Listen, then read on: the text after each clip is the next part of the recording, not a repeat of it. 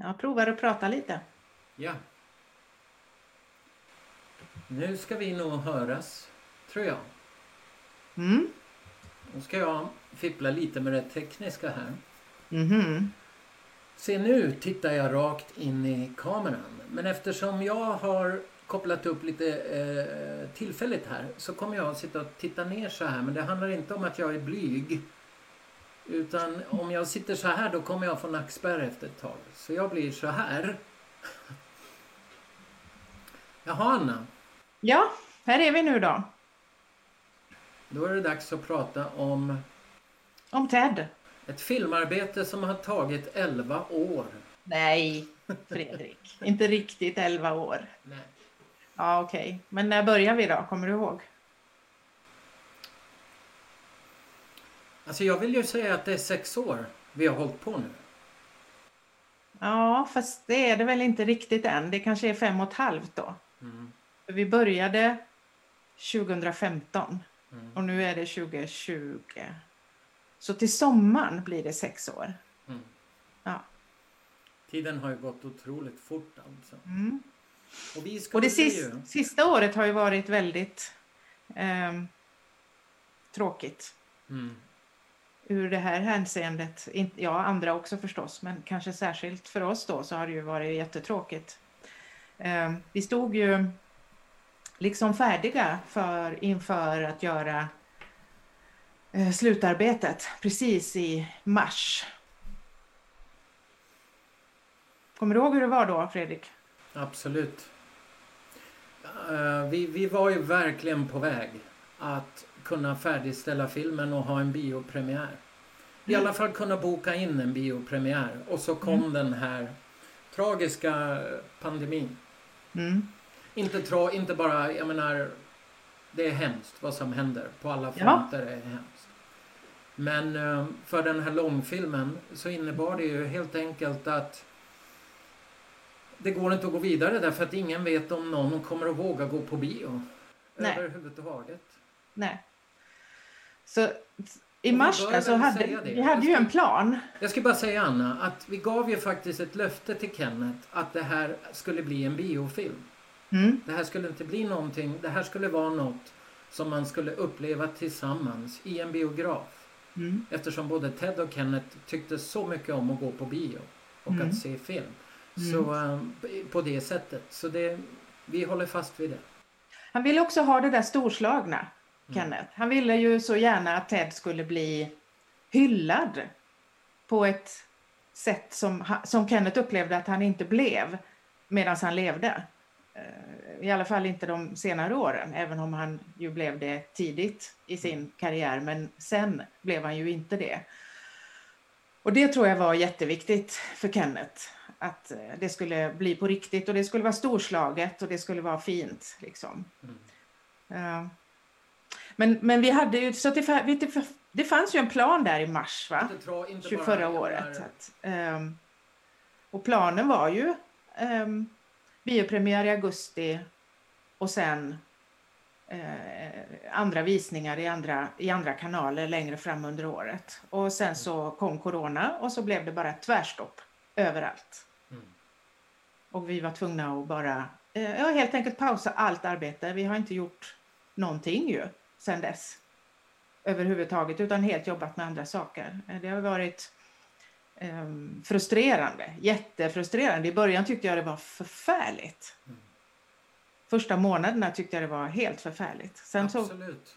Och sen är det Någonstans- så här att det, det kan vi ju då berätta att ursäkta mig att ganska fort, jag skulle säga nästan kanske för ett år sedan så hade vi lyckats få ner vår berättelse från lite mer än tre timmar i tid mm, ner till en två timmar lång film mm, som vi var stört förälskade i. mm, Som vi tyckte väldigt mycket om. mm, Och som vår producent tyckte jättemycket om. Och som vi alla var överens om att nu, det här hedrar vad vi kom överens med Kenneth om. Och det här är något som våra medverkande kommer att tycka väldigt mycket om. Mm, Och, eh, och sen så var det en, började vi med en massa andra diskussioner. Det handlar om att skaffa rättigheter till musik. Det handlar om, eh, få rättigheter till stillbilder, allt sånt här. Och det tar väldigt lång tid att göra. Så just därför trodde ju vi att nu skulle det vara dags att göra allt det här klart. Mm. Och kunna få färdig filmen. Mm. Um, så i det skick filmen är just nu så är vi ju stört förtjusta i vad vi har skapat och vi vill så gärna visa upp det. Och därför är det ju frustrerande Mm. att inte kunna gå vidare just nu.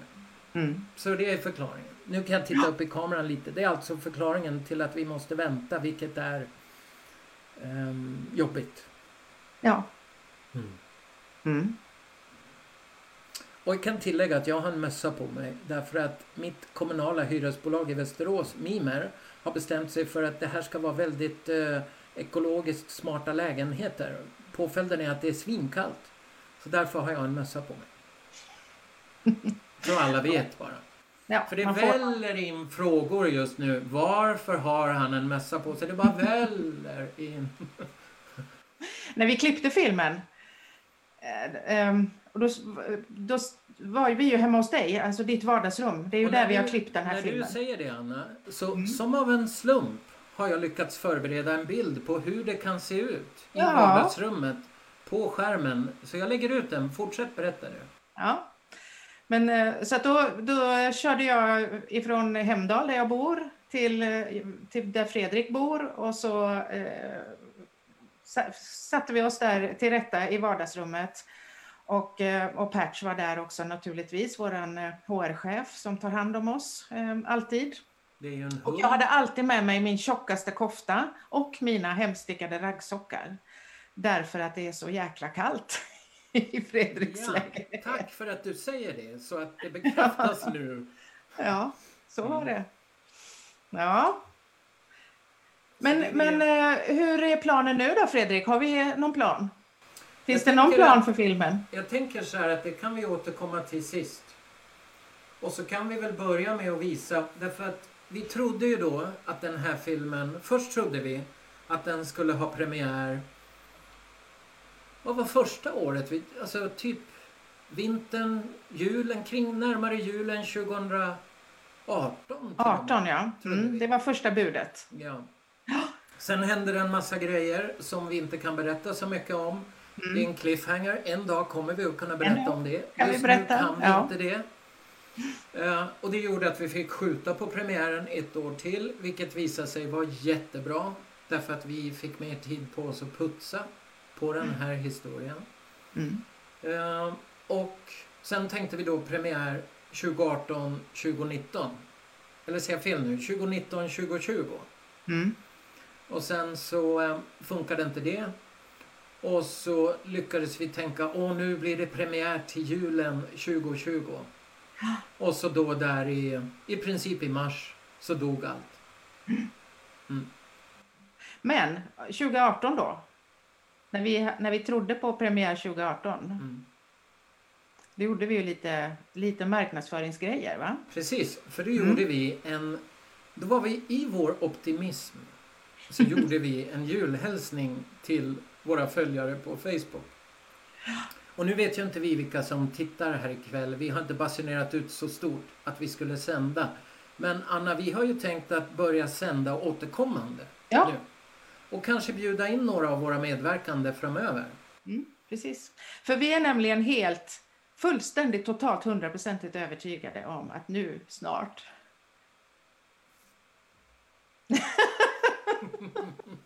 Okej, jag är det. Jag är. ja, men jag med. Mm. Jag med. Men du, eh, ja men du, den där häls- julhälsningen. Den passar jättebra nu. Och då kan det vara så här att det står på slutet kommer på bio 2019 och då glömmer Eller till och med alla 18 sådana kanske där det står. datum. Ja. Om ni blir frustrerade så kan vi lova att vi är ännu mer frustrerade. Så bortse från, bortse från datum. Mm, men njut av våra medverkande, de är fantastiska. Ja, och så kan vi prata lite om det sen. För med hjälp av den här videon så ser ni mycket tydligt vilka som kommer att vara med. Eh, och Anna, du och jag måste vara tysta under tiden. Ja, vi, blä, Så jag behöver kommer inte vara jag så stänga av. tyst. Ja, då kör vi den. Ted was the king of melodies. Melodiernas konung. det är inte alla artister som kan fortsätta under så många år och komma tillbaka och skriva låtar som fortfarande är starka och blir hits. Jag har aldrig sett en människa stoppa i sig så mycket mat som Ted Gärdestad gjorde. Men han kom inte ut ur lägenheten, så min fru tror jag fick gå hem från dagis och släppa ut Ted ur lägenheten. Och sen liksom tog han på sig gitarrfel. Hängde jättekonstigt. Jag fattar inte hur han klarade av att spela ens då. Full, full av liv. Alltid liksom.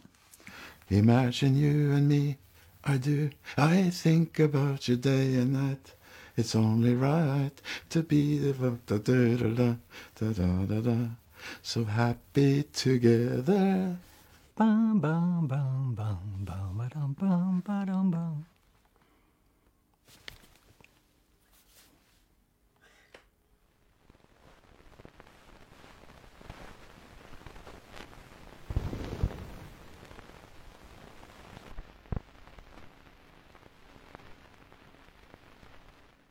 Ja, här ser vi ju de medverkande i alla fall. Vad sa du Anna, har vi fått en fråga?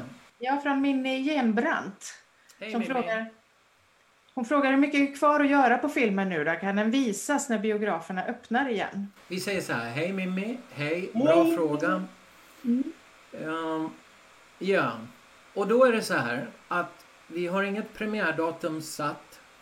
Det finns, för att göra en film så kräver det då finansiering. Sveriges Television tycker jättemycket om den. De vill vara med. Mm. Det är klart redan. Uh, och så får vi se. Allting är ju aldrig 100% säkert. Tiden har gått. Man måste kolla upp och prata med alla igen. Men det ser väldigt bra ut. Um, så vi hoppas på det. Vi hoppas på det. Men allting handlar ju om det här vaccinet nu. Det kommer vaccin förhoppningsvis och, och det måste få gå ut till befolkningen. Måste få oss alla att känna oss trygga och våga gå på bio igen. Och sen när vi alla börjar våga gå på bio då kommer eh, finansiärerna som hjälper oss att eh, färdigställa filmen, då kommer de att säga nu, nu satsar vi på det här. För nu ser vi att folk kommer att kunna gå på bio igen. Så att vi, kan väl säga, vi kan väl säga så att vi har ju gjort färdigt filmen så långt det går utan de här, vad ska man säga, de sista pengarna som mm. Eh, så att säga ska betala eh, upphovsrätt kostnader och sådana saker för att vi ska få lov att använda bilder och klipp, arkivklipp och så vidare. Allting sånt måste ju förhandlas färdigt och då måste det finnas pengar. Mm. Och, eh, och sen är det finlir kan man ju säga på filmen, men i sin grund är den ju färdig. Mm. Eh, så det är inte otroligt mycket man ska säga, praktiskt arbete kvar, men det är ju de här grejerna kvar då som, ja, det som kostar pengar och mm. musiken som ska spelas in med musiker, vilka det nu ska vara och så vidare. Så det, det, är en del, det är förhandlingar och sen så är det liksom slutfinish kan man säga då. Vi måste Väl. också säga hej till Alexander, hej till Gabriella, ni som troget har följt oss, verkligen. Fantastiskt, ja. mm. uh, frågan är vad vi ska göra här. Ska vi ta och uh, Ska vi ta och gå tillbaks i tiden om hur det här startade? Ja, det skulle vi kunna göra faktiskt. Ska jag vi har ju dragit den här historien några gånger, men ska jag mm. börja i min ände då? Ja, börja i din ände. För det var så för mig. Jag hade just jobbat klart med en dokumentär och så får du, Anna, ditt jobb är att säga Fredrik, kapa, nu har du hållit på att prata för länge, skynda på. ja, ja. Så gör jag samma med dig. Okay? Ja, det är bra. Det är ja. bra. Så jag hade just jobbat klart med en långfilmsdokumentär som hade tagit nästan fem år. Och efter vi var färdiga med den så kände jag bara att nästa gång som jag jobbar med en dokumentär så skulle jag verkligen vilja göra någonting om en musiker. Och så satt jag och funderade. Jag vet inte var det kom ifrån. Jag tycker jättemycket om musik. Att klippa film är en passion och det är väldigt mycket med rytm och musik och allt det här. Det liksom hänger ihop för mig. Så jag vet att kanske var det något sånt, men jag bara hade en känsla av att jag skulle så gärna vilja göra något om en musiker. Och hur jag än vände och vred på det där i några dagar så kändes det som att man hade gjort bra, dokum bra dokumentärer på alla möjliga musiker jag kom på. Och då jobbade Anna och jag tillsammans på en arbetsplats vars namn ej ska yttras. För då kommer det att spricka i alla kyrkor i Sverige. Det kommer, klocktorn kommer att rämna. Ja, så blir Ehm, det. Demoner kommer att kliva upp ur sprickor ur asfalt. Ragn- Ragnarök blir det. Så, eh, så vi jobbade på samma arbetsplats och jag, vi, jag hade ansvar för rörligt media och video. Anna, du jobbade med sociala medier. Mm. Webb och sociala medier. Precis, så Mm. med tiden så märkte vi att de här två har gift sig, de hänger ihop. Så sociala medier och video, inte Anna Widerberg och Fredrik Ydehag. Vi har Nej, vi har, inte, vi har aldrig gift oss Nej. faktiskt. Så, så vi började ju jobba väldigt mycket på minifilmer med manus och story och struktur av och till. Det Mm. gjorde vi ju. Så jag hade det där i bakhuvudet och sen gick vi ut på en after work med några jobbkollegor och jag sitter där och funderar för mig själv och då börjar Anna berätta en historia för alla oss vid middagsbordet och då får du berätta den. Ja. Eh, Under tiden Och- kollar jag chatten. Ja, men gör det. Kolla chatten. Jag måste gå tillbaka lite då, därför att då var det så här att ett par, säkert kanske två månader innan det här, så hade jag suttit hemma, eh, då jag hade tonårsbarn hemma och eh, det var då våren, det var kanske mars, februari, mars någonting. En av de första fina dagarna och min tonårsdotter sa till mig, mamma kan inte du hjälpa mig att göra en ehm, en eh, spellista, en vårspellista eh, till Spotify. Ja, så vi satt i soffan där och jag försökte komma på så låtar som inte hon kunde och eh, artister. Sen kanske lite tidigare, sen Gyllene Tider, Thomas Ledin och så Ted Gärdestad sa jag, har inte han gjort någon fin sådär om sommaren och sol, sol, vind och vatten? Jo, himlen är oskyldigt blå. Ja, ja så då så, så sökte hon där på Spotify och så lyssnade vi och ja, jo, de är fina. Och så, och så tog en låt slut och så började en ny låt. Och så var det ett intro som var väldigt så här så bombastiskt. Och jag hade haft en tuff period. Ehm, och det hände någonting med mig eh, när jag hörde den där låten. Det var liksom som... Ja, det var som... Eh, jag har sagt annat, i ett annat sammanhang här, att det var, som, det var som att födas på nytt. Det var som att hjärtat började slå igen. Det var väldigt, alltså det var väldigt, väldigt, väldigt, väldigt stark upplevelse det här. Och det var en låt som heter eh, Låt kärleken slå rot och jag hade aldrig hört den här förut. Så jag blev otroligt fascinerad och, och så jag sa till Emma, du måste spela den igen, spela den igen. Ja, ja, sa hon, och spelade hon den igen. Och så tredje gången sa hon, nej nu får du öppna din egen Spotify, sa hon. Så då gjorde jag det. Eh, och så lyssnade jag och så lyssnade jag och så lyssnade jag gång på gång på gång på gång. Och sen eh, så började jag titta och så tänkte jag, men herregud vad många låtar. Jag kände till kanske, ja du vet, kanske fem, sex, sju stycken. Och jag insåg att jag gjort hur mycket låtar som helst. Så jag började lyssna på det där. Och blev helt, eh, jag blev besatt, skulle jag säga. Och jag beställde hem en bok som jag har här, som ser ut så här. Jag vill ha en egen måne som Kenneth skrev efter att Ted hade gått bort. Och den kom ut 2005. Så jag vet att jag fick den på fredagen. Och jag satt hemma och eh, eh läste den där. Och lyssnade och läste och lyssnade. Och sen eh, kommer den där after worken. Och så sitter vi där på kvällen och en av våra kollegor säger att jag har hittat ett nytt band som jag har blivit lite förälskad i. Säger hon. Och då hör jag mig själv säga, jag har också blivit förälskad i ny musik. Jaha, säger Fredrik då, vad då? Ja, Ted Gärdestad, säger jag. Ja. Vad tänkte du då, Fredrik? Alltså, ursäkta mig, vänta. Så fort som du sa, så fort som du sa Ted Gärdestad så sitter jag och tänker, men herregud, Ted Gärdestad. Av alla namn jag hade tänkt igenom så hade inte han dykt upp. Därför att när jag växte upp, jag var mer av en Harpo-fan. Eh, men jag gillade ju Ted. och, och Kennets låtar. De gick man ju och nynna på. Eh, men, men det var, jag tyckte då att det var lite mer så här. Nej, det är nog en efterkonstruktion. Det var bara att jag diggade Harpo mer. Men när du säger Ted Gärdestad, då tänkte jag ju bara, gud, det är ingen som har gjort något. Eller? Jag kan inte minnas något som har gjorts. Eh, en, en riktigt tung fullängdsdokumentär.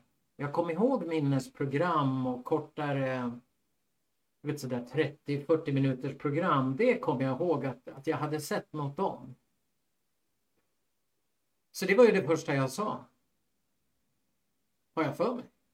Ja, du frågade ju mig, finns det någon, är det någon som har gjort? Nej, så jag, jag har inte hittat någon, utan jag har hittat eh, sådana här, eh, ja men alltså minnesprogram och, och kortdokumentärer som har sänts på tv då. Mm. Um, några stycken. Men inget, inget, för att jag visste ju lite vad, jag visste ju vad, ni, vad du hade jobbat med tillsammans med ditt team, liksom, och hade ju förstått um, att det finns, det finns olika sätt att göra dokumentärer på. Och jag förstod ju direkt vad du menade och jag sa nej, någon sån dokumentär är det ingen som har gjort.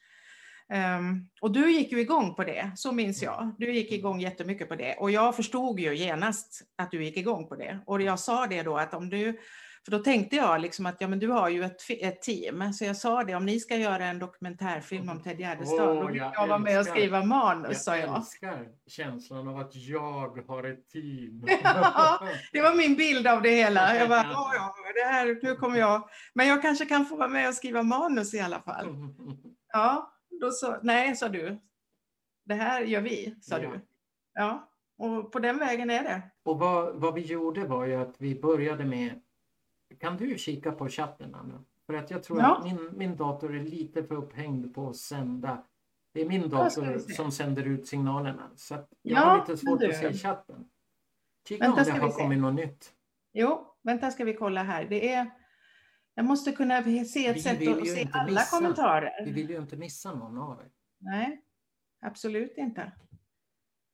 Det ska vi se. God jul från Peppe? Och jag är nyfiken på filmen. Peppe! Alexander. Ja, hej Peppe! Peppe! Eh, boken är fantastisk, säger Alexander Johansson. Och så frågar han också, vilka har varit era största inspirationskällor till ert projekt? Olika dokumentärer och så vidare. Ja, kul. Vad bra. Då vill jag bara börja med att säga då att Peppe Maje, som ni ser i chatten, har skrivit en hälsning. Peppe var med i den lilla julvideon. Peppe är också med i filmen. Mm. Kommentarer och så vidare. Ja, kul. Vad bra. Ja, vad sänder du nu, Anna, parallellt? Ja, Jag hörde ljudet. ja förlåt. Det var... Ja, det gör inget. Jag försöker att se alla ch- chatt, för det ser ut som att det är någon jag inte... Du kan ju prova att uppdatera. Och se. Ja, precis. Men, men Jag ska vi försöker- innan, innan vi fortsätter med vår story, låt oss ta Ja. de frågor vi har. Ja, jag. absolut. Vad ska vi, vilken tar vi först då? Jo, men alltså vi tar väl eh, inspirationskällor, Mm. olika dokumentärer. Vilka var det vi tittade på? Det tycker jag är spännande. Det har vi inte pratat om så mycket i Nej, andra sammanhang. Jag, Det kan du börja med, tycker kan jag. börja lite där. Därför att det första Anna och jag gjorde, det var att vi... Anna hade ju redan blivit besatt. Mm. Verkligen besatt av Ted och Kenneth Gärdestad. Så att när, när, när jag sa att du vet du, man, jag har funderat på att göra en dokumentär, vi borde göra en. Vill du göra en om Ted Gärdestad? Då var det som att öppna en, ehm, en vattendamm. och Anna bara Åh, jag läste här och jag läste och, det, och du vet och sen skrev de den här låten och då, då gjorde de det här och, sen, och det som pågick just då, det var det här. Och, och jag tänkte perfekt, perfekt, nu kör vi. Så vad som hände var, och det kan vi komma in mer på sen, men vad som hände var att vi såg en väldigt vacker, känsloladdad, delikat historia. Mm. Vi tittade igenom alla minnesprogram vi kunde hitta. Jag kallar dem för minnesprogram. Ehm, man kan kalla dem för dokumentärer också. Men jag tycker att en, en dokumentär bör vara i alla fall en timme eller över en timme, tycker jag. Om man ska hinna beskriva en människas hela liv på, på hyfsat bra sätt. För det, inte ens det går alltid. Nej, Och det ska vi veta. Vår första version hade kunnat bli fyra timmar lång. Mm. Och vi tyckte till och med att det var väldigt bra. Mm. Tills vår väldigt fantastiska producent Håkan Hammarén sa att jättebra, men vem tror ni överlever fyra timmar dokumentär i en biosalong? Vi sa vi gör det, vi kolla. Så, um, så och, och grejen är varför jag drar allt, varför jag berättar allt det här är därför att när vi insåg tillsammans med Kenneth, vilket vi ska komma tillbaks till hur vi lärde känna Kenneth. För det är en historia i sig. Vi kände ju inte Kenneth innan det här. Men det vi insåg, Anna, det var ju att vi hade en teori om man ska kunna berätta om de tuffa sakerna som Kenneth och Ted och deras närmaste vänner gick igenom. Så tyckte vi att man måste få som tittare uppleva det här kronologiskt. Mm. Man måste få uppleva vad upplevde de när de här sakerna hände och så få bitarna steg för steg för steg. För annars tyckte vi att det kändes som en historia som inte skulle kunna gå att återge med, eh, med, med, med tillräckligt med respekt som behövdes Nej. för det här. Och sen så förstod vi också väldigt tidigt när vi började då prata med, med dels när vi gjorde researchen och också sen när vi började prata med dem som Jag måste var... bara flika in med en grej. Ja. Så att ni som tittare förstår. Vi kan, vissa grejer får vi inte prata om än. Därför att det handlar om att det ligger inbakat i filmen och vi får inte berätta om de sakerna. Därför att det vill inte våra finansiärer och det vill inte filmbolagen. Utan det får ni uppleva i filmen. Så ibland kan vi låta lite konstiga. Men det är för att vi försöker dansa runt vissa spännande detaljer. Ja. Nej, men det, vi, det vi insåg väldigt snabbt, det var ju att trots att det har gått, redan då 2015-2016 då hade det gått väldigt många år sedan Ted dog.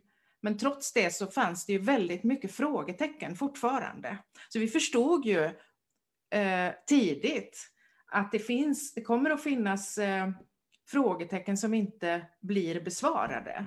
Därför att eh, det finns inte några svar. Det är borta. Och därför blev det på något vis viktigare att eh, gestalta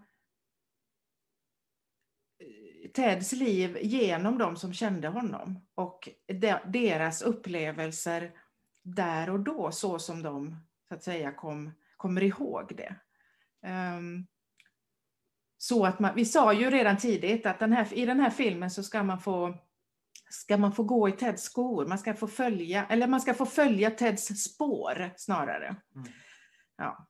Så, så att, eh, och det blir ju, ehm, det, det enda sättet att berätta då är ju kronologiskt. Därför att det går liksom inte att, att eh, ställa sig i nutid och säga så här var det, så här var det. För det blir, Um, då, blir då, då gör man en film som på något vis säger att vi vet vad det var som hände och det vet vi ju inte. alltså det, det vet vi ju fortfarande inte. Så, så mycket kan vi ju säga, eller hur? Vi vet väldigt mycket mer nu än vad vi visste då, men, men det finns ju fortfarande väldigt mycket som, precis som det är med liv, att, att de är mångfacetterade. Och det vi gjorde ganska fort. Det vi gjorde ganska fort, Anna. Det var att vi satte oss ner och tänkte så här. Om vi lyckas få Kenneth att gilla vår idé. Om vi lyckas få Kenneth Järrestad att ens vilja prata med oss. Om han inte vill prata med oss. Om han inte vill berätta den här historien. Då struntar vi i det. Mm. Men låt oss... Alltså jag har en hund som fäller mycket päls just nu så det kittlar i min näsa. Så. Jo, så... Så det det handlade om för oss var det här måste bli Kenneth Järrestads historia. Det måste bli han som berättar om sin bror Ted Järrestad. Och där Kenneth inte kan berätta om vad som hände, där måste vi plocka in hans närmaste vänner som kan det. Så att du som tittare får en så pass den bästa möjliga helhetsbilden av den här historien som vi kan förmedla. Och vi sa redan från början, vi gillar inte när en dokumentärfilmare dyker upp och säger det hade kunnat vara din röst Anna, som säger mm. En morgon lyssnar jag på Ted Gärdestad. Jag blir kär i hans röst. Jag blir kär i hans ord. Jag blir kär i låtarna och jag känner som om en port öppnas i mitt hjärta. Det är inget fel med den typ av berättande, men vi vill inte göra det.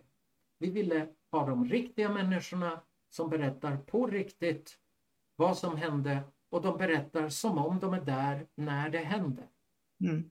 Och det var väldigt viktigt för oss. Och Kenneth gillade den idén jättemycket. Och det vi inte gillar i dokumentärer, det är när någon som då säger att de kände en person som inte lever längre, sitter och säger så här, vi säger att Anna Widerberg inte lever längre.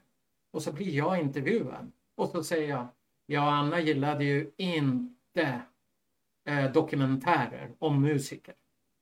En gång så sa hon till mig hur mycket hon hatade dokumentärer om musiker. Och jag vet exakt vad hon kände om saker och ting och hur ont det gjorde i hjärtat på henne. Det är bara smak och tycke, men både Anna och jag, vi tycker när vi ser sådana dokumentärer att då sitter man där och så tänker man, säger du ja? Men jag undrar vad personen tyckte egentligen. Mm. Så vår ambition har varit att inte låta folk prata på det sättet. I den mån det går. Utan berätta utifrån vad de sett och vad de hört när de var på plats tillsammans med människorna när det hände. Det som vi känner och de känner att man måste berätta om för att förmedla en så bra helhet som möjligt. Och det var det första egentligen. Innan du och jag började prata om konkreta inspirationer i andra dokumentärer och så. Eller hur? Mm. Men kommer du ihåg vilka filmer det var vi tittade på då i början? Jag vet ju den här dokumentären om han som gick på lina mellan World Trade Center. Och den För var den ju är vår ju- absoluta favorit. Va? Ja, och den är ju gjord precis så, så att du får följa händelseförloppet helt och hållet. jag, jag googlar lite här, jag måste kolla vad den heter. Kom, no, Man on Wire heter det. Man on Wire Man on Wire. Mm. Så mm. om ni tittar på den så kommer ni att förstå vad som inspirerat oss väldigt mycket. Mm. Precis. Sen hade vi ju en annan film som var väldigt viktig för oss som inte var en dokumentär. Just Och det det. var ju Love and Mercy. Om eh, ehm, Brian Wilson. Ja, i Beach Boys. Precis. Och det var nästan öde för när Love and Mercy kom då hade vi börjat tänka på det här. Mm. Och vi såg så många paralleller Mm. i Love and Mercy som vi tyckte väldigt mycket om. Och att den var så varmt och kärleksfullt berättat och respektfullt berättad. Mm. Mm. Så eh, absolut. Plus att när vi sen började tänka, okej, vi ska alltså ha medverkande som sitter och berättar framför en kamera. Och då såg jag, jag har ju sett flera dokumentärer där de intervjuar någon som kände huvudpersonen. Och så sitter de på en terrass och så bakom är det tre blommor och de är så fruktansvärt fula. Och jag, tapp, jag, jag slutar lyssna för jag sitter bara och tänker, vad är det för blommor i bakgrunden? Mm. Och, och hur kunde de ens låta blommorna vara med i intervjun? Jag fattar ingenting. Och då såg ju vi det här minnesprogrammet om James Gandolfini som Mm. spelade Tony Soprano i Sopranos. Där de hade intervjuat folk mot en bara svart bakgrund. Och det var så, det var så fint. Ja. Det var så fint och det var så, för de var ju så, de, var ju, de sörjde ju. Det här, Mm. Den var gjord ganska snabbt efter hans, han hade gått bort, eller Mm. hur? För det var så känsloladdat liksom och så värdigt. Ja. Den gjorde ju stort intryck faktiskt. Så Mm. där är väl egentligen tre exempel. Då. Mm, mm. Jag skulle säga att det är våra huvudsakliga. Ja. Det var det som, som, som tände gnistan när vi började skriva manus. Mm. Och det, kan vi, det är ju som nästa etapp att berätta om egentligen, som vi Mm. vill berätta om. Sen Mm. kan vi bara hoppas att ni vill lyssna, men vi kommer att berätta om det i alla fall. Eh, hur ser det ut på chatten nu? Vi hade någon, hade vi någon mer där? Vi kan se här. Alexander Johansson skriver att precis så vill han att dokumentären ska vara. Och sen så säger han också kanske material till en tv-version senare. Och ehm, ja, Ja, och vi kan säga så här. Det finns jättemycket spännande saker vi skulle vilja berätta om det, men vi får inte. Nej. Men det finns i... Um, det ligger i luften, kan vi säga. Ja, precis. Och det ska ni veta också att när vi spelade in med Kenneth så var ju Kenneth inte frisk. Um, men den energi han uppbådade när Mm. vi, han ville göra det här. Och vi var jätteförsiktiga med Kenneth. Uh, nu hoppar jag fram lite i vår berättelse. Va? Men vi sa det, Kenneth, nu behöver du vila. Nu har du varit hos oss i fyra timmar. Vi tar en paus. Så ses vi om några dagar igen. Och då var det han som sa, nej, vi kör en stund till. Och hur trött han än var. Och vi tog mycket pauser. När kameran slog på. Kommer du ihåg det Anna? Vilken, vilken, det var som en, alltså som om tio extra energibatterier kickade Mm. igång. Alltså. Mm. Mm. Och ehm, så att, var skulle jag komma med det här då? Ja, jag vet inte. Kanske, kanske skulle komma in och prata om, om Kenneth och hur vi lärde känna honom. Det kanske var det du tänkte, eller? Mm, ja. Absolut, men det kan vi lika gärna. Vi kan ju ta nästa steg om vi inte har några nya frågor. Nej, jag tror inte det. Jag kan, då, jag kan fortsätta lite grann och se om vi har Mm. någon trevlig bild att dela. Ehm, ja, men vi kan väl berätta, tycker jag, hur fick vi kontakt med Kenneth? Jo, Alltså för att det, det första vi gjorde, Anna, berätta. om- Alltså vi började ju, vi, kvällar, helger, när vi inte hade vårt ordinarie jobb. Då Mm. började vi med att du satte igång ett enormt researcharbete. mm. Jag hjälpte till i viss mån, men vi, vi sa från början att du grottar ner dig i researchen så jag inte sitter fast. Mm. Utan kan, så tar du med dig researchen till mig när vi har manusmöte. Och Mm. det hade vi kvällar och helger nonstop i nästan, jag menar, hur länge skrev vi? Alltså, ja, alltså, det är ju så här, äh, när det har gått så här lång tid så känner man ju till slut liksom att, att må, man, får, man tappar lite tidsuppfattningen. Jag vet inte riktigt hur länge vi höll på. Jag tror att vi höll på ett år säkert Mm. med manuset. Det tror jag. Har du manuset där på bordet Anna? Ja, Du kan väl hålla upp det och visa lite? Så här ska vi se så, vi inte, så det inte gnistrar för mycket här. Mm. Och så kan du väl bläddra, visa det från sidan så får de se hur tjockt det är. Ja. Så här. Ja, och så måste du vända med bladen, det ser ju coolare ut. Tycker jag. Du menar så här? Ja, det är bra. Så. Och så om du flippar lite blad bara, visa dem ett uppslag så kan de ju se hur, hur vi har jobbat med det här. Så här. Och det, det här manuset ska jag säga då, det här är väldigt, väldigt speciellt. Mm. Därför att det är det här som Kenneth har haft hos sig och antecknat i. Just det. Ehm, det här är Kennets anteckning. Det här är Kenneths anteckningar. Kan du inte Ehm, läsa vad han, vad han skrev där på det där stora bladet? Han skrev Eller vänta, här. vänta, vi tar det sen. Vi tar Ja. det sen. Anna, får se, nu blev Mm. du suddig. Där kom det tillbaka i skärp. Bra. Förlåt, jag blev ivrig där, men det är så, det är så häftigt. Att, att, ja. Ja. Så, du skulle berätta mer om manuset. Du sa det var speciellt. Ja, att det här manuset var ju speciellt eftersom det var Kenneth. Det var det. Kenneth fick ju se flera versioner av manuset. Mm. Men vi kanske ska börja helt enkelt från början. Det tycker jag. Ja. Eh, då var det ju så då att, att vi började ju med att spåna på ett manus. Och i, i början var det ju inte ens ett manus i text, utan det var ett manus i form av en tidslinje kan man säga. Som, eh, som vi gjorde.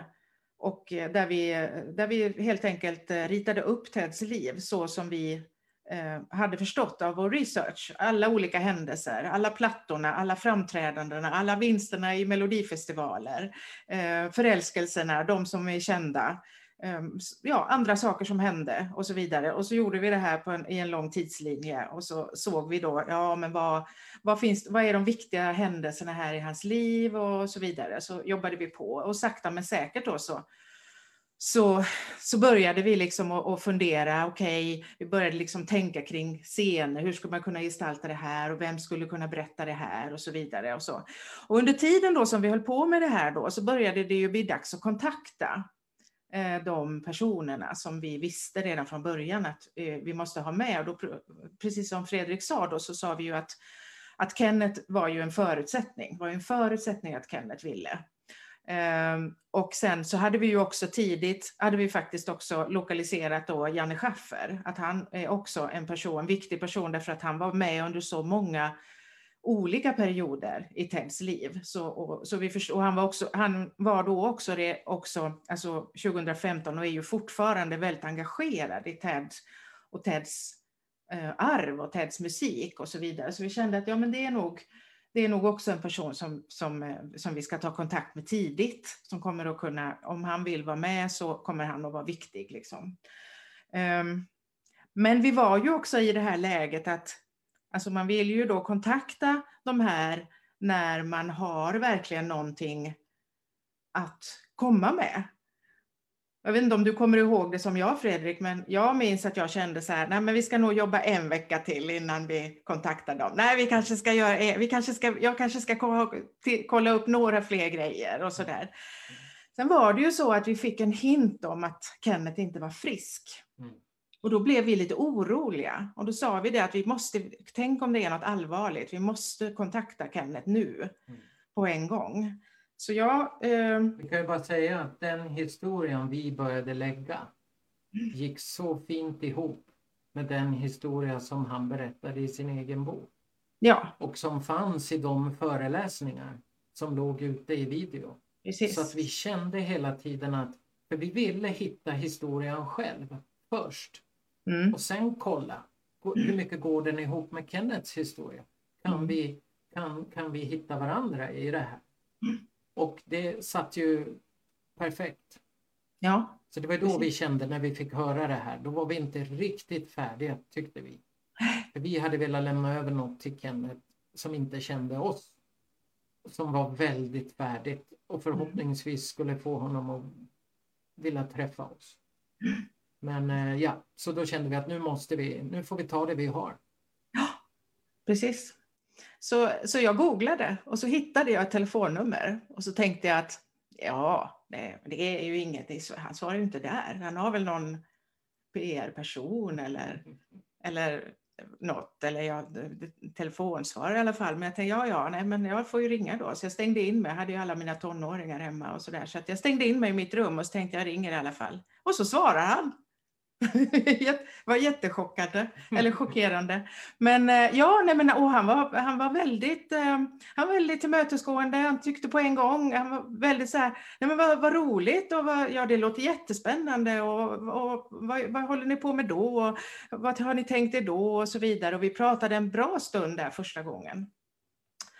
Eh, och sen pratade vi, alltså jag vet att jag gick jag gick eh, långa promenader ut med Svartån här i Västerås med ipluggade eh, öronsnäckor och, och pratade med Kenneth och pratade och pratade och pratade och pratade och han berättade och jag berättade vad vi tänkte och han berättade. Han berättade om vad han ville och han berättade om sina farhågor. Han berättade om vad han inte ville att den här filmen skulle bli, om det blev någonting. Och, och vi hade väldigt, väldigt många långa samtal.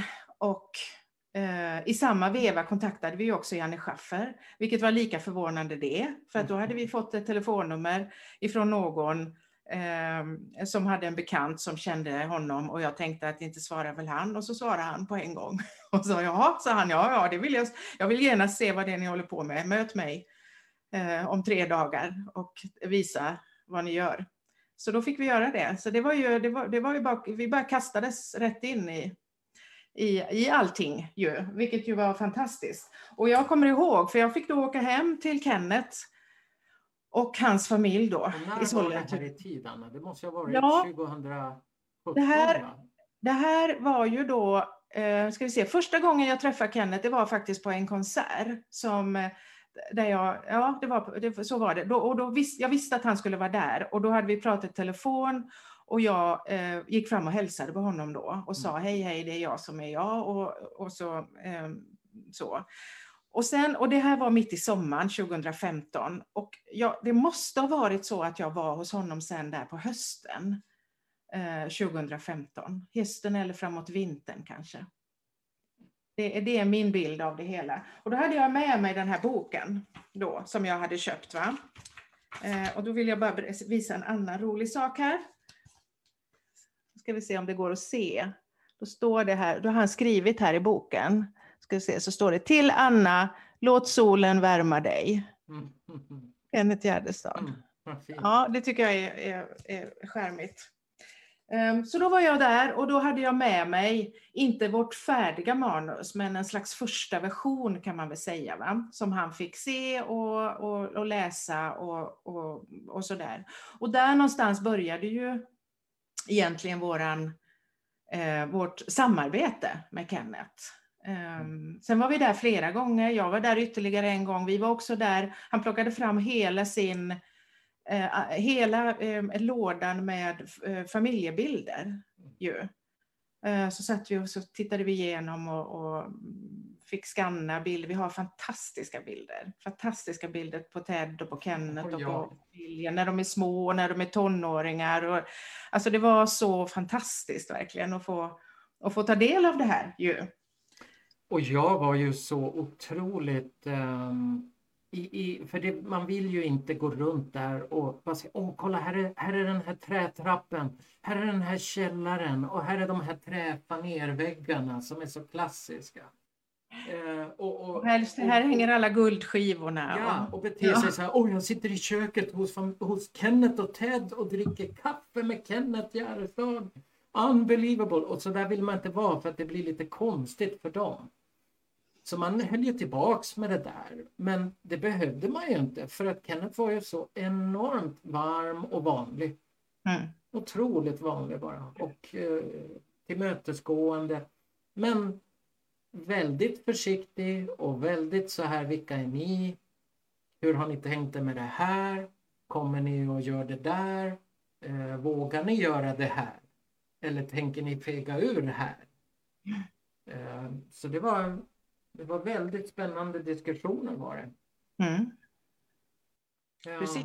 Och sen gjorde vi ju då, efter att så successivt kontaktade vi ju övriga eh, och sen så skrev vi ju så att säga vårat, ja men det som blev så att säga vårt grundmanus, det som vi sen har utgått ifrån när vi har jobbat vidare sen med filmen och kallat in de medverkande och så vidare. Så, Eh, och då fick han ju läsa det här eh, och ha det hos sig och så gick han igenom det och så har han antecknat eh, igenom det på väldigt många ställen här.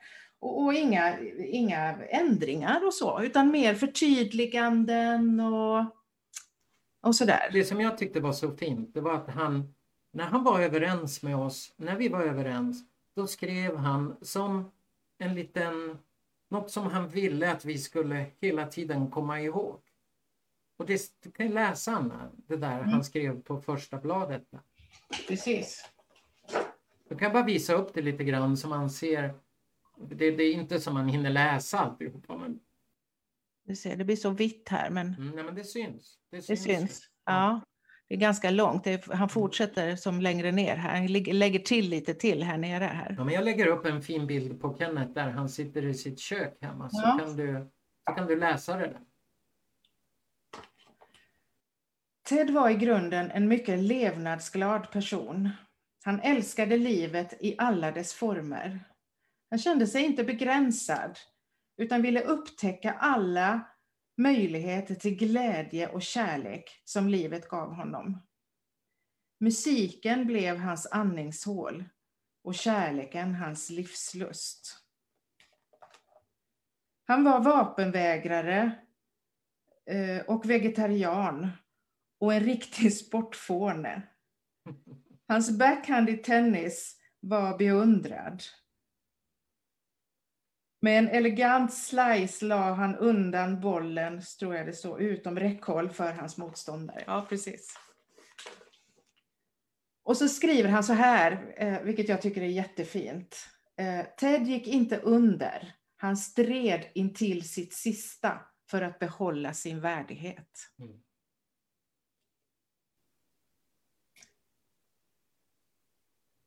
Mm. Är fint.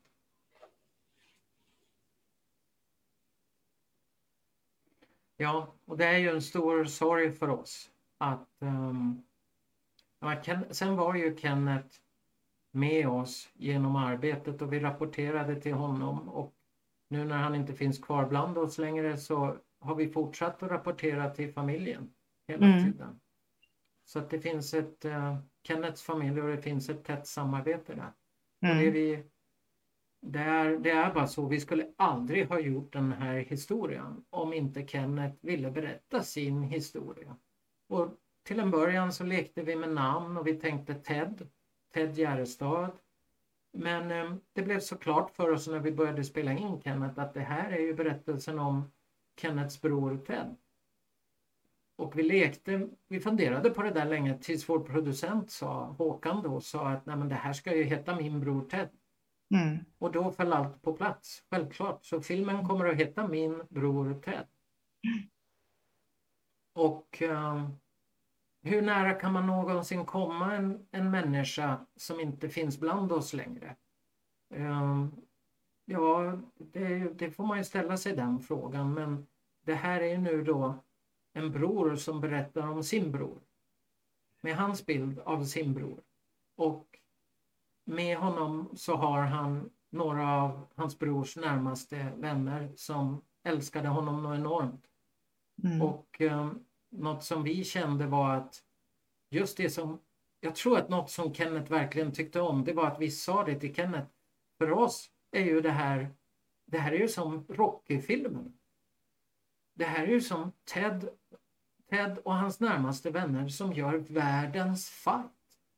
Som tar världens kamp för livet. Mm. Um, och det kände vi att det har inte berättats tidigare. Inte fullt ut. Nej. Och att, att ge den historien den tiden den behöver. Mm. För den behöver två timmar. Det visste vi. Vi var ganska, vi sa det från början, det här, det, kan- det kan inte gå att få det kortare. Vi var till och med oroliga, man kommer du ihåg det i början? Vi sa det till Kenneth, vi är inte ens säkra på om det här går att berätta Nej, på två timmar. Och om det inte går, då gör vi det inte.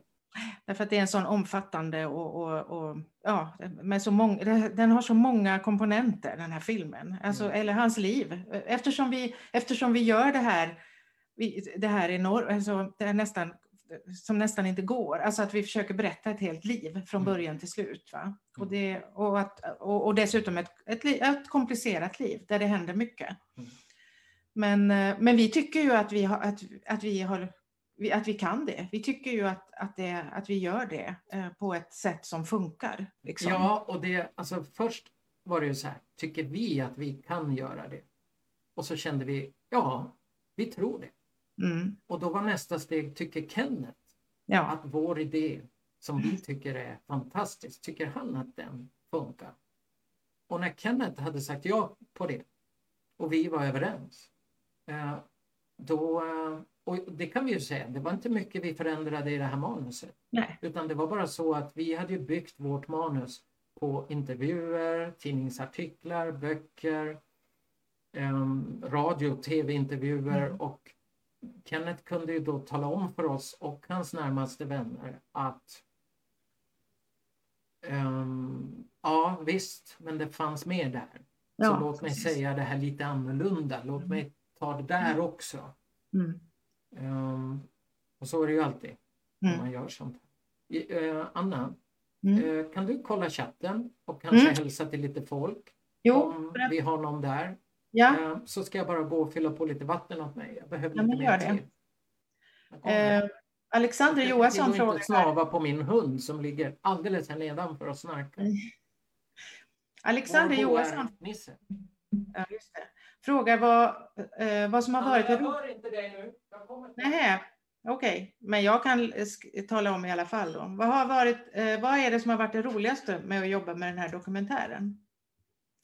Och medan eh, Fredrik är iväg och hämtar vatten då så kan jag börja och tala om det att jag, jag tycker faktiskt att det roligaste och mest värdefulla med att jobba med den här, dokumentären det är precis det som, eh, som Fredrik var inne på alldeles nyss. Eh, nu svarar jag på frågan vad som har varit roligast att jobba med, Fredrik. Oj, vad bra. Jag, jag är Ja. tillbaks här Ja. Och då säger jag att det, för mig så tror jag att det mest värdefulla och roligaste eh, ha- har varit att, att få eh, berätta, få, först få, få uppleva då en berättelse och sen berätta vidare. Eh, just en berättelse som innehåller så mycket, så mycket eh, kamp och, och, och god vilja. Alltså precis som det du var inne på, va? Att, att både Kenneth och eh, de övriga runt Ted, eh, de kämpade så för honom och de gav inte upp. Och, och gång på gång på gång på gång så, så, så, så slogs de för Ted och kämpade och kämpade och försökte och stöttade. Eh, och jag tycker att det är så det är så härligt att få berätta om Därför att oftast hör vi så mycket om motsatsen. Vi hör så mycket om människor som sviker, om människor som, som faller och som inte får någon hjälp upp. Och så, och eh, jag tycker att det är även, även att den här, det här är ju en historia med ett sorgligt slut. Men det fanns en sån glöd, en sån kampglöd på något vis. Också hos Ted. Han gav aldrig upp. Det är precis som Kenneth skriver. Han gav inte upp. De runt omkring honom gav inte heller upp. Och det har jag tyckt har varit det, det mest värdefulla. Sen kan jag ju säga personligen då att eh, jag har ju lärt mig, jag har aldrig jobbat med film innan, innan jag började med detta. Och det har ju varit fruktansvärt roligt. Jag har ju lärt mig massor. Och lärt känna nya människor som jag aldrig hade träffat annars och sådär. Vad tycker du Fredrik? Vad tycker du har varit roligast? Oj, oj, oj. Jag ska fundera på det. Jag kan ju bara visa. Det är ju så här när man jobbar med film att, att man är ett stort team. Och eh, vi kände ju så här. När vi började jobba och spela in alla intervjuer, då hade vi ingen finansiering. Vi hade inget filmbolag bakom oss. Vi hade inte kontaktat Sveriges Television. Därför att risken finns när man börjar prata med de här bolagen innan man har börjat skapa en film att de kommer in och börjar lägga sig i. Och då kan det finnas folk där som tycker saker om historien som inte kanske är de bästa att bedöma hur en historia berättas.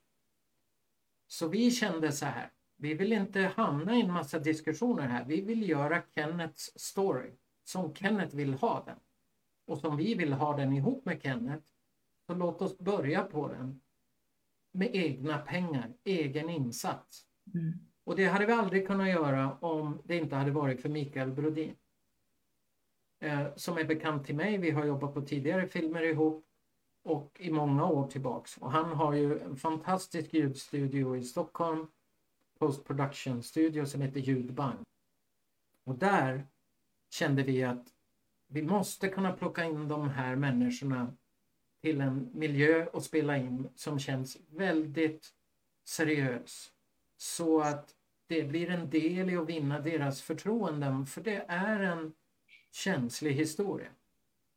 Och vi ville ha intervjuer där alla de här som är så varmhjärt, alltså som är så varma och goda och fina människor som har velat berätta och alla har verkligen velat berätta. Men då vill vi få dem så bra som möjligt på bild. Vi vill göra dem rättvisa. Vi vill få dem avslappnade.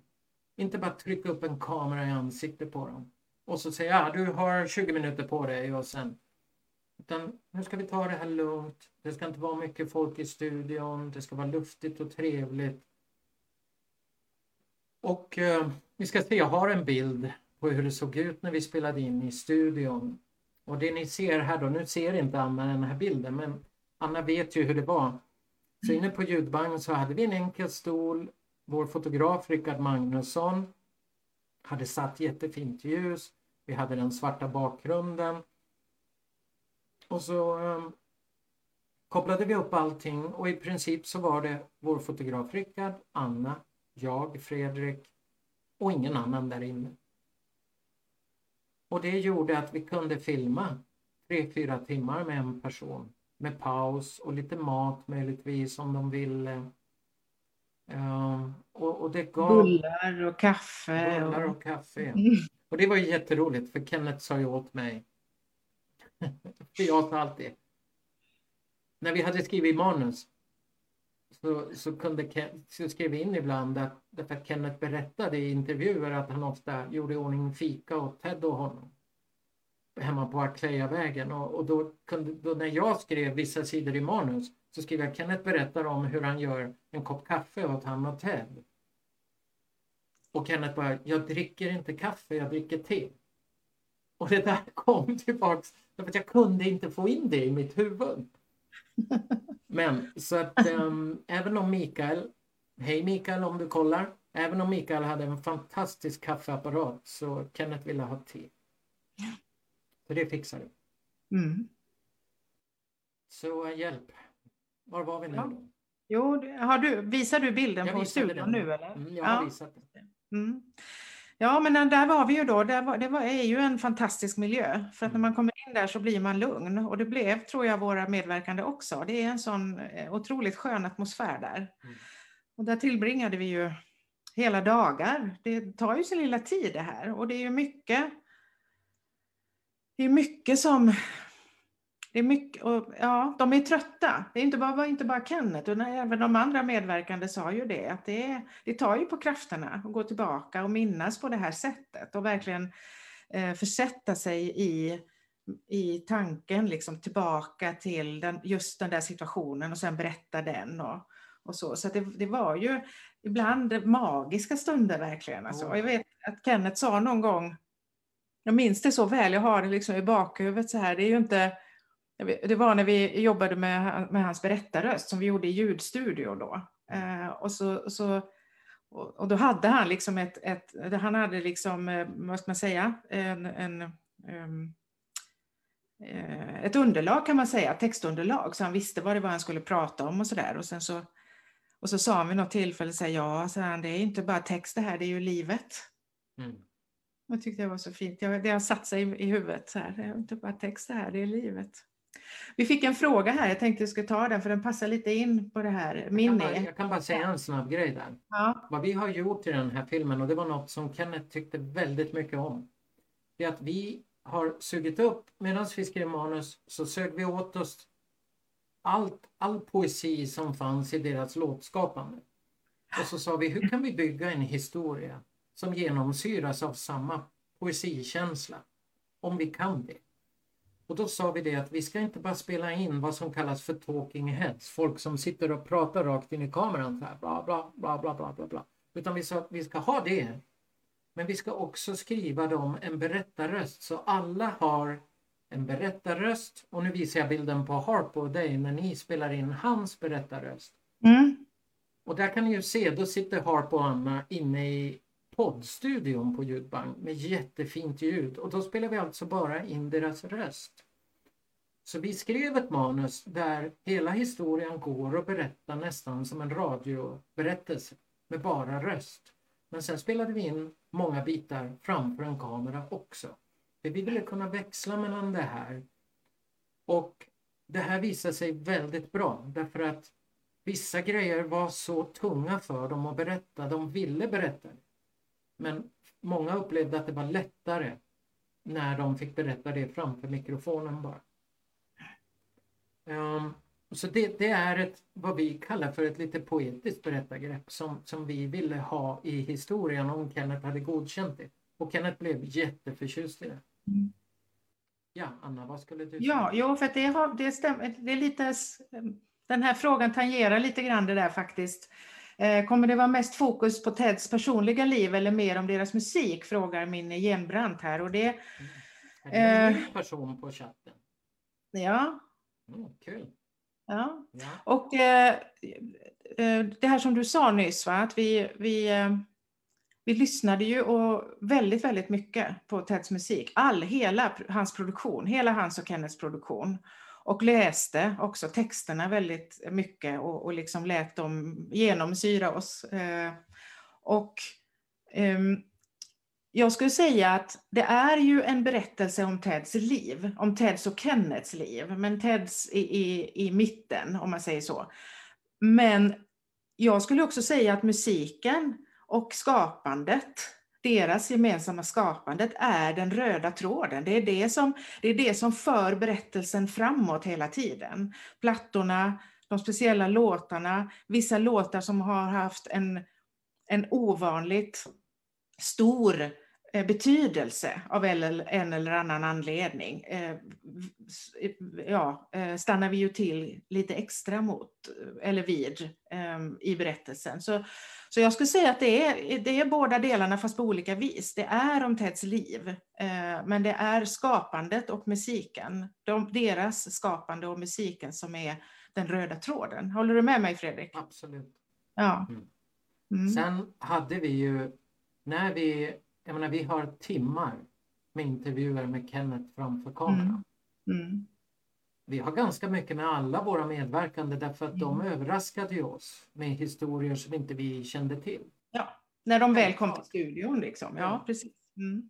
Men med Kenneth var det så bra. Det var så starkt för vid ett tillfälle så sa han till oss att jag vet inte hur länge jag har kvar. Och jag vill berätta allt. Jag vill berätta allt som jag kommer på så att det finns bevarat.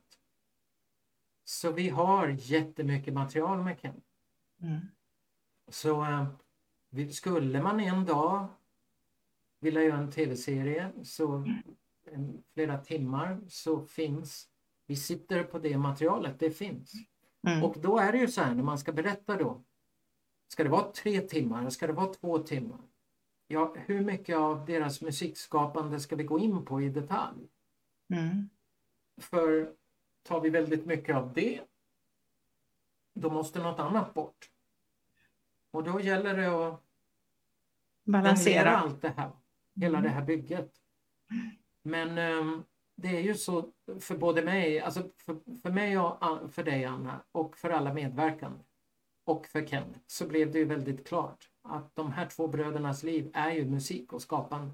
Mm. Det, det, sitter, i, det sitter i dem. Mm. De var sammansvetsade mycket tack vare på grund av det också. Och jag tycker det är så häftigt därför att jag, jag det kan ju någon skriva på chatten om ni vet va men jag har svårt att hitta två syskon som skapar så här ihop. Där den ena verkligen gör musiken och den andra gör texten. Sen att det kan finnas eh, Beach Boys till exempel jobbar ihop några stycken och de flätas in och ut ur varann sådär mer eller mindre. Va? Och det kanske, men just här att det var så strikt uppdelat. Mm. Och det är ju, ja nej, absolut. Så musiken och deras skapande finns där genom hela historien skulle jag säga. Mm. Det är liksom, det är på något vis den kärnan på något sätt? Mm. Eh, skulle jag säga. Mm. Och det är också det som, och det är ju så tydligt, va? det är ju det som Ted hela tiden återvänder till. Trots att han, han försöker ju göra annat, han försöker lämna, han, försöker, han vill leva ett annat liv, han vill... Och på något vis så är det hela tiden det här musiken och skapandet som han återvänder till. Liksom. Igen och igen. Så att det, det finns ju där hela tiden som en, ja, som en kärna. Jag kommer att tänka på det när du säger det om, om deras relation där.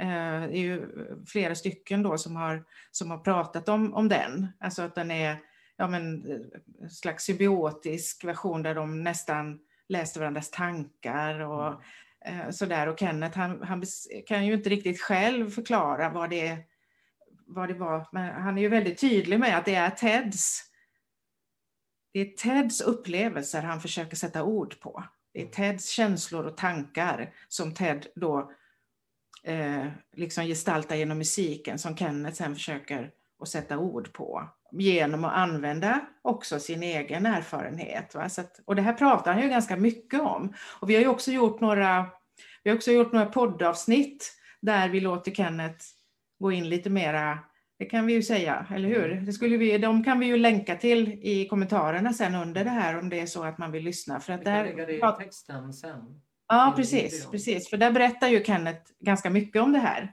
Mm. Just hur de, hur de samarbetade. Men jag kommer också att tänka på Eirik Wangberg, Mm. eh, Teds producent i Los Angeles då. Mm. Han sa ju det att eh, Ted och Kenneth var som eh, Elton John och Bernie Taupin. Att Jag de hade lägger- samma... Jag lägger ut en bild nu på, eh, På Eirik. Kenneth med boken och så dig och Ja. Erik där. Så kan det. berätta om den där. Just det, för att han, Eirik, eh, Eirik träffade ju då eh, Ted och Kenneth när de kom till Los Angeles 1977 för att spela in en amerikansk platta. Och då var Eirik där och Eirik är från Norge men han eh, var då i Los Angeles och jobbade som producent och jobbade ju tillsammans med de stora stjärnorna. Eh, Paul McCartney och vilka det nu var, Olivia Newton-John och ja. Och så tog han hand om Ted och Kenneth och han var ju oerhört imponerad av deras eh, skapande och deras samarbete och deras musik. Um, och, um, och, när vi träffade honom då, han bor på västkusten nu här i Sverige, så träffade vi honom och så sa han det att ja, nej men man har liksom samma symbiotiska skapande som man kanske upplevde då att, att Elton John och Bernie Taupin hade och samma fantastiska resultat. Mm. Och så är det nog. Absolut. Ska Vad gör du? Jag, ska bara, jag fipplar lite tekniskt. Jag la in en bild på oss två igen. Jag höll på att gjorde en hemlig grej där. En hemlig grej? Nej, men, uh, jag funderar lite grann på... Um... Alltså vi har, jag tänkte säga det bara att, mm. att det här som, om det var Alexander som frågade om vad som hade varit det, det mm. roligaste. Det absolut roligaste för mig det trodde jag inte det skulle vara. Men efter ett tag så blev det roligaste för mig att, att få träffa alla de här människorna. Kenneth och Harp och ja, alla som ni sett som är med. Janne och Peppe och Billy och Lena och Erik och vem har jag missat nu? Leif. Leif och Lennart, um, Lennart precis. Jag menar, alltså jag blev så överraskad över hur laddat... För det första så här, alla ville berätta. Alla mm. kände att okej, okay, om Kenneth tänker berätta den här historien nu på det här sättet, då vill jag vara med. Och det var ingen som sa det är inte läge att berätta den här historien. Utan alla sa om Kenneth ska göra det här nu, då vill jag vara med. Och om jag får se vad ni har tänkt er och jag gillar det, då vill jag vara med. Och sen den historien som vi fick till oss. Där de kom med ännu mer berättelser som vi inte kände till, givetvis. Där jag blev förälskad i varenda en av dem. Mm. För den enorma värme och medmänsklighet och, och kärlek och det de gjort i det tysta och dolda för en medmänniska och en vän är, blev jag enormt rörd. Och um, chockad och överraskad över. För att jag tyckte att det var en fantastisk historia som jag inte hade hört för Eller läst. Men, eh, men att sen se hur alla de här bitarna plötsligt började falla på plats till en ännu starkare historia. Buren och berättad av människor med en sån enorm med såna enorma hjärtan är, eh, vet det, alltså Anna, det tar jag med mig nog eh, jag har aldrig varit med om något liknande tidigare. Nej. Så är det. Mm. Okej, okay, så då har vi sagt, vi kontaktade Kenneth. Vi började jobba med det här. Ska vi berätta om första inspelningsdagen med Kenneth? Ja, det tycker jag. Det var ju så här att vi, eh, vi hade bokat in att vi skulle spela in med Kenneth. Han visste vad vi skulle fråga honom om. Han hade haft tid att förbereda sig. Vi tänkte inte överraska någon av våra medverkande med någon sån här eh, chockfråga plötsligt. Utan vi körde fullständigt öppna kort med alla. Rak kommunikation. Så de skulle vara så avslappnade som möjligt. Och eh, Kenneth var så, han såg så fram emot det här. Han var så peppad. Vi hade men hur mycket hade du och Kenneth inte jobbat ihop då? Mm. I över ett år, om inte mer. Mm. Och så ska vi spela in och det blev en jättekonstig första inspelningsdag för Kenneth bara låste sig. Mm. Och vi såg hur han det, hur det blev jättejobbigt för honom. Mm. Det, det satt fast och han kunde inte hitta orden rätt och, och det hade han, han hittade ord att prata men det, det han han kände sig obekväm. Mm. Väldigt obekväm. Och vi förstod inte vad det var. Vi sa inget om det utan till slut sa vi bara att men Kenneth, vi, vi bryter för idag för att nu är ju allas energi slut och du behöver vila också. Och det hade vi lovat han och, och, och familjen honom att inte verkligen ta hand om Kenneth. Så han åkte iväg hem. Och då upptäckte vi att han hade glömt sina glasögon. Precis. Mm. Så vi Vi tänkte, sa, vi, vi, vi, vi skulle ju åka hem till Västerås. ja, Jag hade bil med. Och eh, det var i november, jag minns det så väl. Det var i november, det var jättekallt, det var sent, det var rusningstrafik och det ösregnade. mm, Och vi sa, vi måste ju åka förbi med glasögonen. Vi måste åka till Sollentuna på vägen och lämna glasögonen. och sen Och det var var vi så lite oroliga för Kenneth därför att den Kenneth vi hade pratat med i över ett års tid var inte den Kenneth som hade suttit framför vår kamera. Nej, nej, precis. Så ehm, det var nästan som att han kände sig rädd Mm. när vi spelade in. Ja, precis. Så vi, eh, vi åkte till honom och så gick jag till dörren och lämnade igen glasögonen och då, då berättade han ju för oss att, att det hade som kommit ett lås över honom. Mm. Och att han kände sig jättebesviken på att det hade blivit så. Och efter att ha pratat med honom så förstod vi ju att det är som att det kom något medialås. Mm. Efter alla skriverier, alla tuffa saker man gått, de gått igenom bröderna med media. Mm. Så, tro, så, så, så kände han ju med oss då att det, det, han glömde bort att det var vi. Mm. Det, den här rädslan över kamera och lampor och nu var det dags. Och det var som att något annat tog över där. Mm. Och Mm. då pratade vi med Kenneth och sa vi, men ska vi börja med berättarrösten istället? Jo, det tyckte han. Mm. Och så tog vi in honom för att läsa in berättarröst. Jag ska visa bilden igen så ser ni hur den miljön såg ut. Då ser ni här Harp och Anna igen men då hade vi en jätteskön stol åt Kenneth och han hade festis där och te givetvis och lite kakor. Och, och så la vi upp då vår berättarröst som vi hade jobbat jättemycket med. Och verkligen vägt alla ord på guldskål och allt. Och, eh, och sen satte han igång direkt och bara det? Han sa ju sådär, det är för mycket konsonanter i den här Ja. meningen. Och, och hur hans hjärna arbetar. Mm. Eh, det, jag sa det, det är som eh, han Nash i A Beautiful Mind, filmen om Nash. Just det. Ja, precis. John Nash, Ja, eh, matematikern. just det. Mm. Mm. Och hur, hur Kenneth bara kunde ta en mening. Många av dem var okej, han köpte, tyckte de var bra.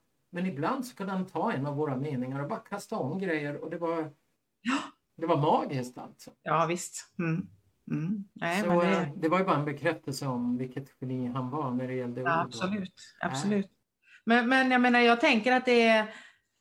Eh, jag som har jobbat som, jag har jobbat som journalist en del av mitt yrkesliv och som dagstidningsjournalist journalist, och jag har jobbat lite med tv, jag har jobbat lite med radio. Och där är det ju ofta så att oftast är det ju så att det är väldigt bråttom. Du vet, du, du, gör, du, söker, du söker människor på telefon och sen så bestämmer du en tid och sen så har du liksom en stund på det, en timme kanske eller så.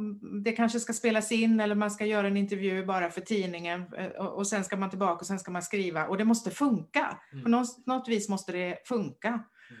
Ehm, och ibland gör det ju inte det och då blir det ju panik.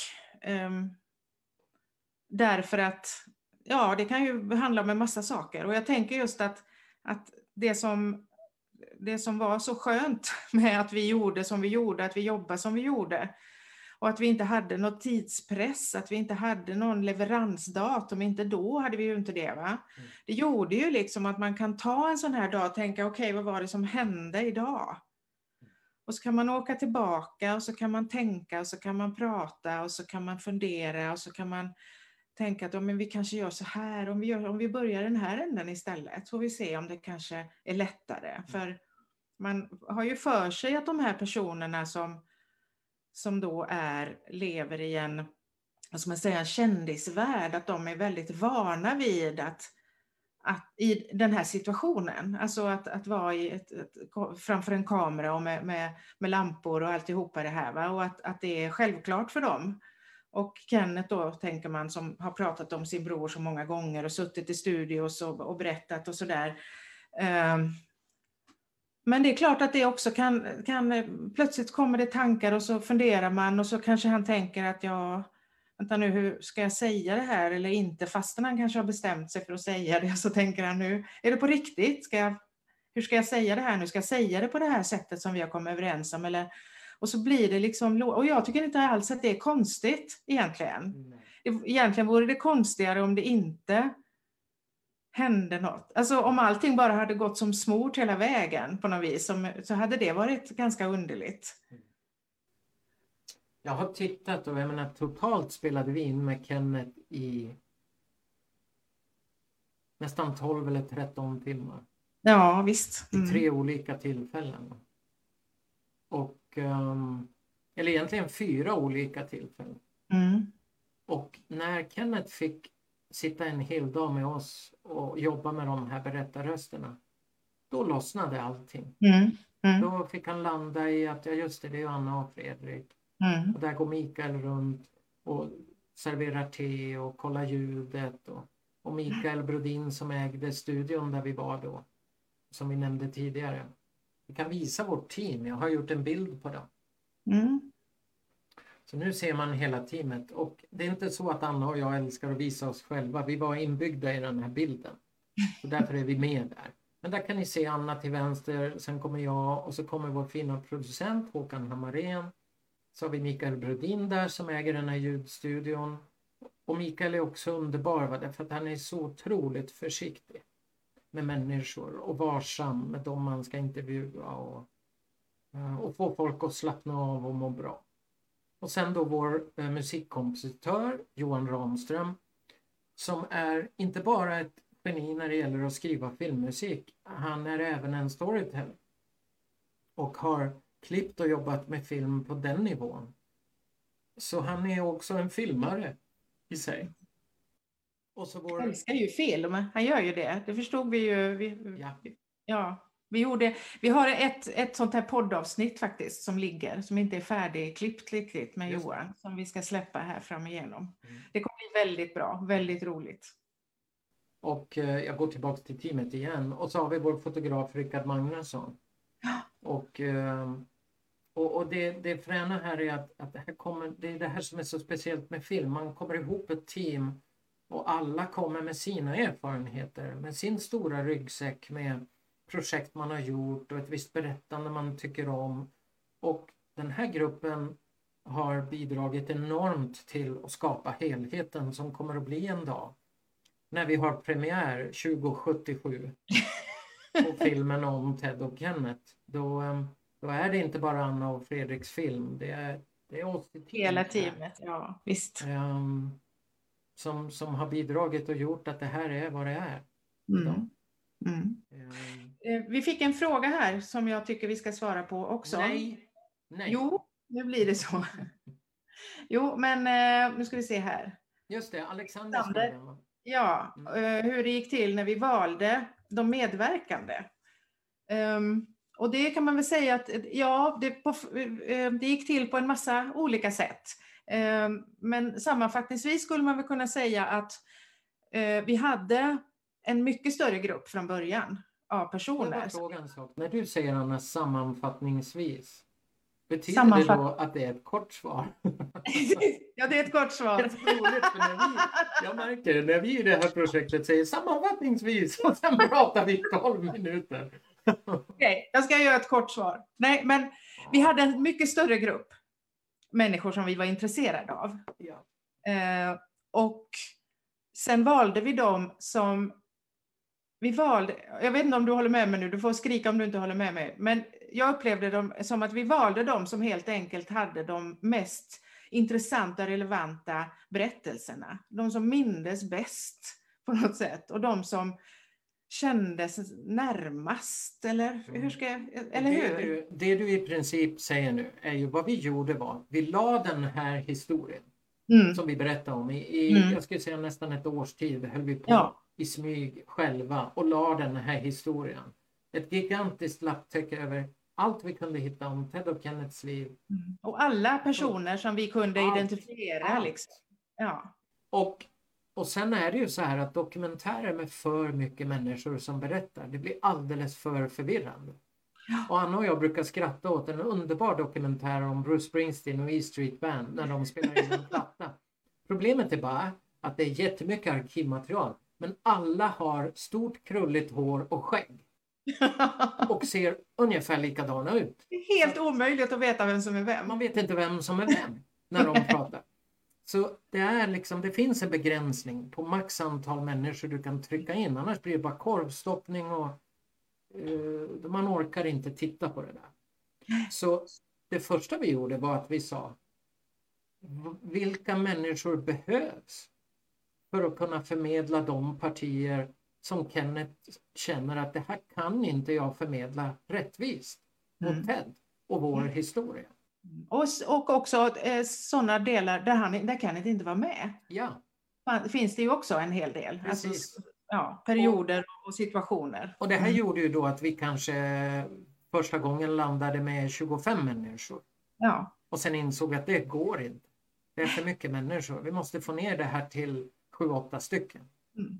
Och sen så eh, pratade jag ju med, hur många medverkande har vi nu? Är det åtta kanske? blir det det? Vi säger det. Alltså, det är något sånt. Jag har ju pratat med säkert 30-35 personer, om inte ännu fler. Och, då, och alla har ju, ge, har ju varit viktiga på sitt sätt och alla har gett sina pusselbitar. Mm. Eh, och en del är, är det så att där är det flera som har berättat om ungefär samma händelse och då, ja, då behövs det bara en och så vidare. Så att, Ehm, så att, och, andra har kunnat ge en jätteviktig bakgrund. Vi har pratat med en del musikerkollegor, vi har pratat med folk som, var, eh, som, som hängde liksom på Polar när det begav sig då, och var en del av den här Polarfamiljen. Vi har, ja, vi har pratat med, med en massa olika människor, personer, journalister som har mött honom eh, i olika situationer genom åren, fått lite, lite bilder, lite, lite tankar, lite reflektioner eh, som liksom har fördjupat bilden för oss. Va? Men det behövs inte i filmen därför att då skulle det bli alldeles för, för, för eh, rörigt i filmen. Och det är ju också så att, att äh, när Kenneth berättar en händelse och så tar Janne Schaffer vid,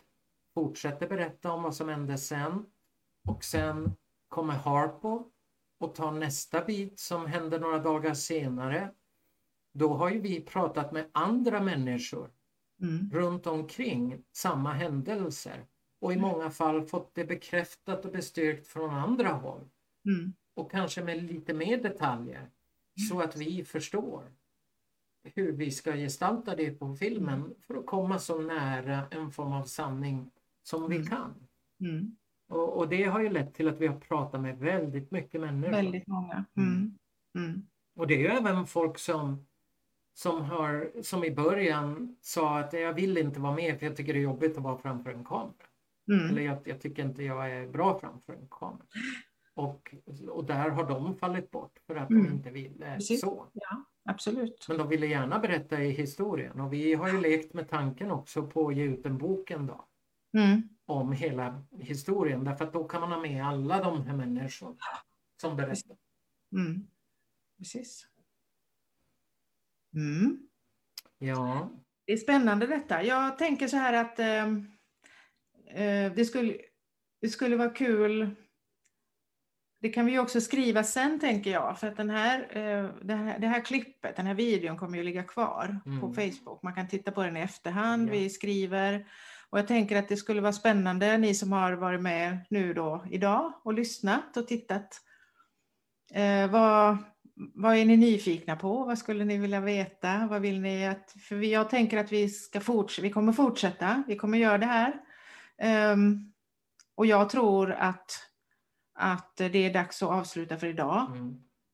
Och, s- och, ehm, alltså vi- problemet är att du och jag kan ju prata hur länge som Ja, men vi kan ju sitta här till två, men det kanske vi inte ska, utan Nej, vi det kanske ska dela upp det. Ja, nej men eh, så, så att eh, nästa gång så, så tar vi kanske vid lite där vi, där vi slutade nu och, och, och berättar lite vidare och berättar lite grann om de andra medverkande också kanske Mm. och sådär. Och, men det skulle också vara roligt att höra vad våra, våra följare, vad de tycker är spännande, vad de vill veta. Och är det så att ni vill vara med via ljud Mm. Mm. och prata med oss på den här, en sån här livesändning, för vi kommer att köra om några dagar igen. Mm. Och då skulle ni vilja vara med, då skriver ni ett e-mail till oss eller skriv på Facebook-sidan Ja, precis. i, i privat meddelande och så kopplar, vi, kopplar ni upp er på Zoom med oss. Och det blir ofta lite grötigt med video och bild, men vi kommer att ha med er på ljud. Och så kan vi prata direkt så här. Vi tycker bara det är kul, Mm. spännande.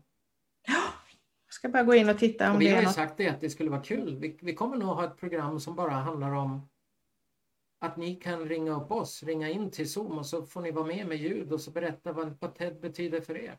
Mm. Precis. Och, och vi gick inte ut med så mycket reklam för den här sändningen. Nej, Det var lite hastigt och lustigt bestämt Ja, faktiskt. Här. vi, vi ville mer prova i lugn och Mm. utan en massa folk som tittar. Så att nästa gång går vi ut lite större. Mm. Då trycker vi affischer på stan. Ja. Vi kommer ut reklam i TV. Självklart. Massor, överallt. Ja, men eh, se om jag har kvar någon bild som vi inte har visat. Nej, jag tror det är, jag tror det är allt. Ska vi Mm. säga så då? Vi har inte missat någon på chatten nu. Nej, jag ska kolla, men jag tror inte det. Mm. Nej, jag ser inte att det har kommit någon ytterligare. Och jag har glömt att visa bilden på Patch. Jag måste visa Patch. Ja, det är klart. Det här är alltså min hund Patch som bor med mig. Och ursäkta mig, han har varit med på alla våra inspelningar nästan. Mm. Ehm, och i princip på alla manusmöten. Han, eh, han kan texterna till alla Ted och Kenneths låtar. Ehm, och fotot till höger är hemma hos familjen Järrestad och de hade, hade de två eller tre katter? Ann? Två, Två, är jag jag. säker på. Ja, två tror jag det var. Ja. Jag är osäker, men två i alla fall. Och Patch älskar katter. Och det är inte så att han vill bita dem. Han är kompis med katter. Så han, medan vi satt och pratade med Kenneth i två eller tre timmar, då la han sig med huvudet i kattluckan och låg och väntade. För att det skulle komma en katt. Ja. Ja, Okej, Men, då är vi eh, tillbaka ja. i bild du och jag. och vi har fått här eh, eh, ifrån Alexander och från Gabriella Silverhjelmgren och från Peppe Majer här. Tack så mycket. De tycker det är intressant och de ser fram emot att få höra mer. Och, eh, då säger vi att vi, vi det säger- lovar vi. Och vi säger till Peppe att om du en dag vill vara med här Ja, eh, så vi får intervjua dig, för vi skulle jättegärna vilja samtala lite med alla som är med i filmen. Mm. Så då, eh, då, vi kommer att hojta på dig. Peppe.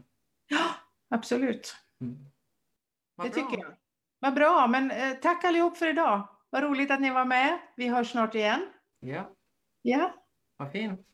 hej då. Hej då.